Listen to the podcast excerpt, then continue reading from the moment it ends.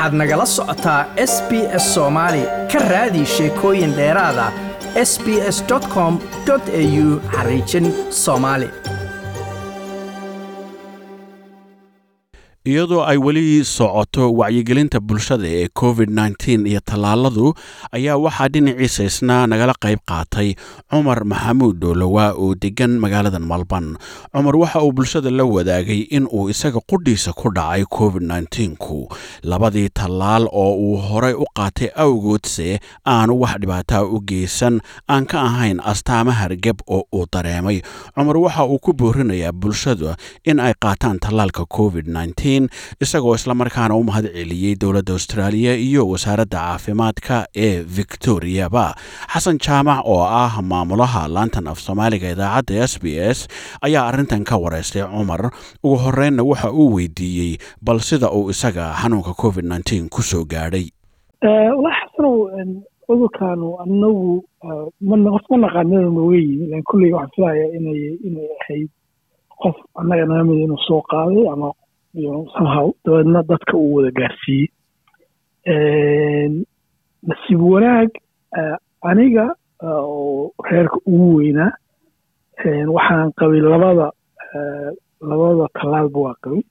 Reerka intooda kalena mid mid bay qabeen.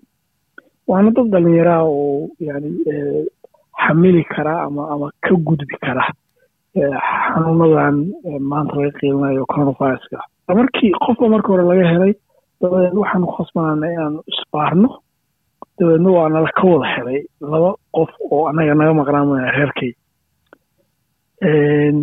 Then waxaana laku amray inaanu samayno lockdown inaanu guriga joogno aanu fourteen days guriga ku sugnaano.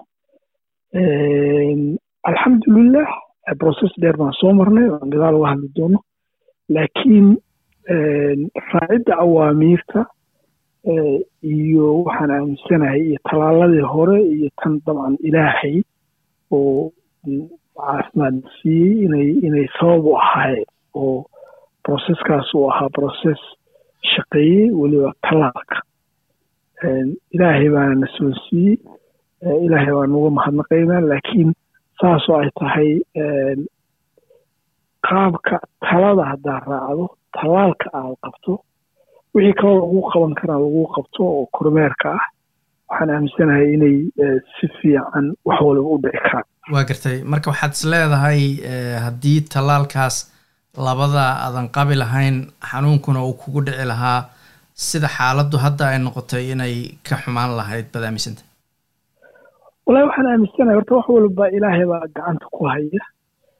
Laakiin haddii loos fiiriyo sida laga yaabo inay wax noqon lahaayeen waxaan aaminsanahay inay ka duwanaan lahayd. Anu masalan sixty one baan jiraa blood pressure baan qabaa. I believe inay ka duwanaan lahayd. Dabcan ilaahay baa isolonsiiyey inaan marka horeba istallaalo. Ilaahay baa isolonsiiyey inaan wax badan oo caafimaadkayga ah aan aan sii hagaajiyey kadib marka cuduradu ay yimaadeen. Ilaahay baana mahaddaas le inaan si sahla uga gudbay oo aan uga caafimaaday laakiin shaki ma leh in door uu ka qaatay tallaalku. Sababtoo ah xasan aniga guriga waa ku xiraa oo sharciga ah inaan joogo. Laakiin labadii beri ugu horreeya waxaan dareemay hargab in hargab igu dhacay.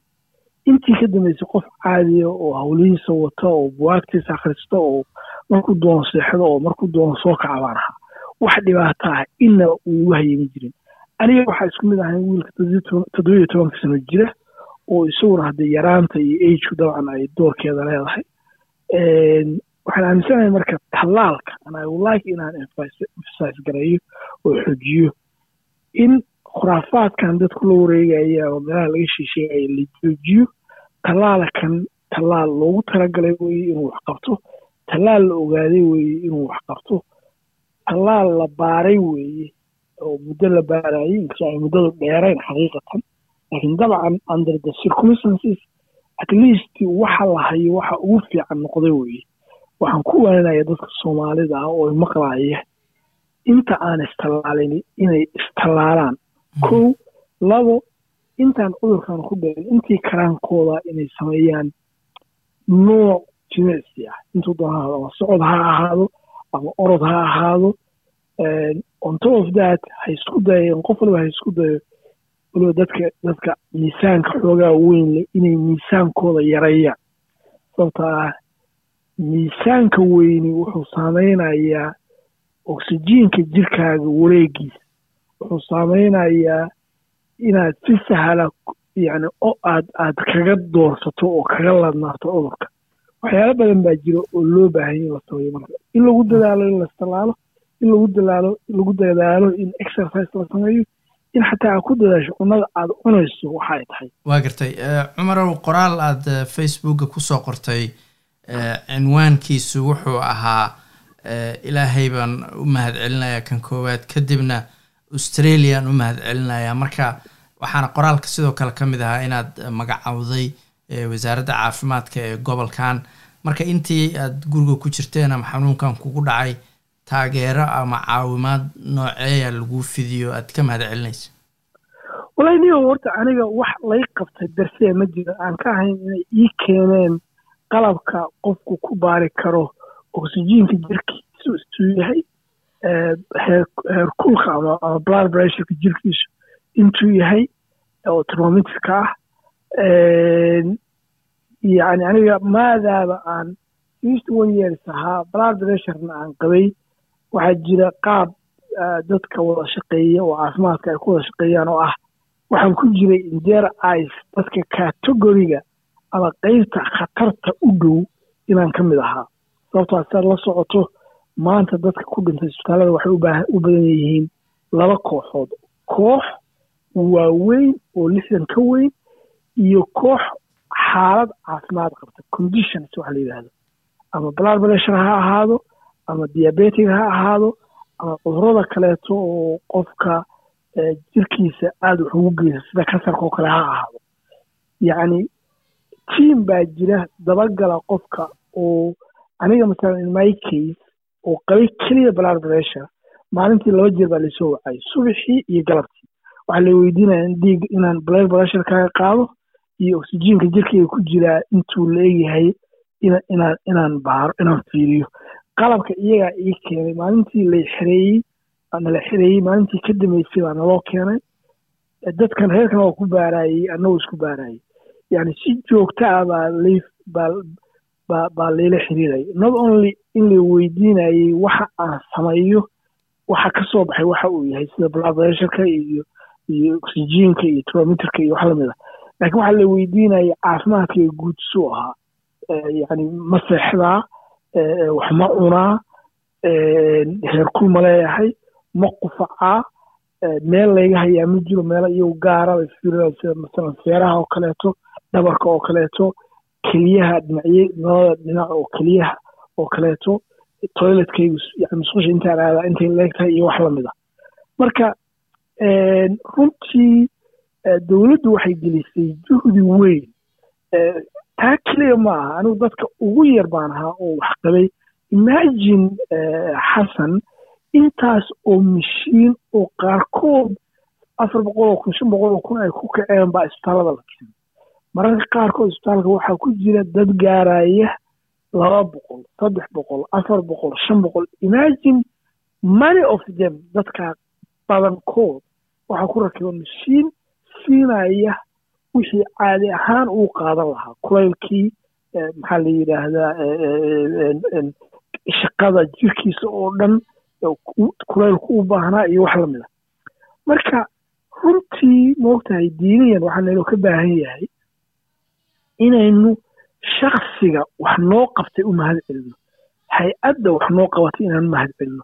Dowladda wax noo qabatay inaan mahad celino nobody knows. Qofkaan ahay iyo meeshaan ka yimi they didn't even know. Mararka qaarkood carab miyaat ay oran jireen accentiga iyo dartiis.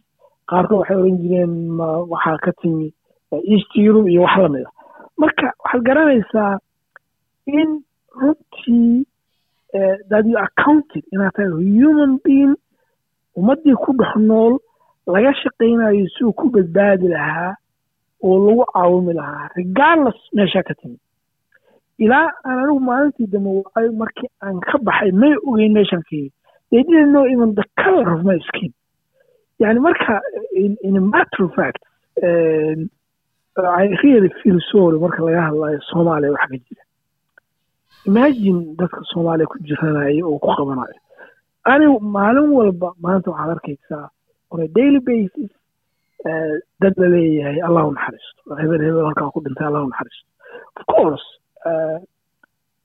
yani haddii taada ilaahay qoray in waktigaaga uu dhammaado meelna ku badbaadi maysa laakiin waxaan shaki lahayn dowladda aan maanta la noolnahay in ummaddeeda inagu aynu ka mid nahay ay ku dadaalaan inay la qabtaan intii ay la qaban karaan. Waana wax mudan in laga mahadceliyo waxaad ka soo hadashay dadkaan tallaalayn ama weli laga yaabay inay ka cagajiidayaan ugu dambeynta maxaad kula talin lahayd dadka aan weli istallaalin? Wallahi xasanow dadka aan weli istallaalin waxay u baahan yihiin in ay aaminaan systemka inay aaminaan authority inay aaminaan in wax loo sheegayo loogu talagalay keliya in caafimaadkooda wax lagu taro. Inay ka fogaadaan maanta saad la socoto australia oo labaatan iyo lix milyan ah eighty percent bay maraysaa inta istilaasha yani eighty percent. It's almost twenty one twenty three million people baa istilaalay maxaa qofka soomaaliga ah oo lala doonaya keliya caafimaadkiisa in laga shaqeeyo? Oo sababo kaleeto aan la garanayn u raadinayo cajiib waxa ah waxaa la sheegaya gabar diida oo tiri inta meel inta la yidhi imow tiri ma imanayo sababtoo ah waxaa la yidhi ilmahu joojinayo xaggee ka keena ilmuhu joojinayo kuwa qaada ilmama rabaan iyagu ma tirsana iyagu ilma dooni maayaan yani moogtahay waxyaalaha qaarkood xataa haddii lagu sheego waa inaa adigu isweydiisaa waxaanu macquul ma taha moogtahay qofku inuu ku laalaabto marka ama wax walba iska aamino ama wax kale ay maskaxdiisa ku jiraan ma aha yani ma aha eighty million people eighty million sorry eighty percent baa istalaalay it's almost twenty one twenty two million people australia baa istalaalay oo qof walba leh oo aqoon-yahan leh oo dhakhtar leh oo dhakhtar dhakhtarrada carruurtay dhaleen leh waay adiga u diidaysa waay adiga u diidaysa oo aan wax kale ka ahayn war aanu wax kula qabanno intaad isbitaalka imaan intii aad kooma geli lahayd intii dhibaata kugu dhici lahayd waxba laga qaban kareen.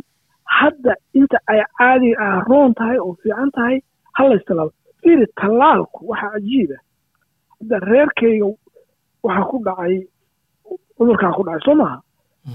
Waxay damceen inay tallaalka labaad ay isku duraan. Waxaa lagu yidhaha istallaal isma tallaali karto ilaa lix bilood isma tallaali karto. Sababtoo ah dhicidda uu kugu dhacay oo aad ka bogsatay laftigeedu waa another tallaal waa nooc kale oo tallaala ilaa jirkaaga qofka hadduu cudurku kugu dhaco already jirkaagu waa tallaalan yahay waa ka badbaaday waad ka caafimaaday laakiin jirkaagu wuxuu leeyahay difaac ku yimi cudurkii kugu dhacay oo jirkaagu ka reeyey oo la dagaalamay oo caadi kugu soo celiyey waa waa cudurka kugu dhacay.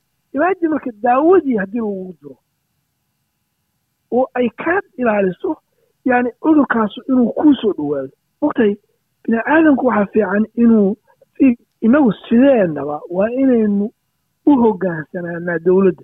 Markaynu lacag ka rabno waa ready to talk shaqo ka leenahay waa ready to laakiin war caafimaadkaaga ilaali qof la leeyahay. War caafimaadkaaga ilaali oo diidan oo lebelaa dhacaysa haddaan caafimaadkaaga ilaali. Wadaba twenty two million people oo oo kula mida waddan kula degan marka waxaa fiican dadka in lagu wacyigeliyo anigu hadda waxaan ka hadlayo qofna ku xumayn maayo qofna gaar ugu danayn maayo laakiin experiencena waa ka hadlaya wixiina wuu jeeda. Waxaa fiican marka dadku inay xaqiiqada ku noolaadaan oo khiyaaliga iyo beenta ay sheegayaan ka baxa like as la wadaag wax ka dheh lana soco barta facebooka ee sb s soomaali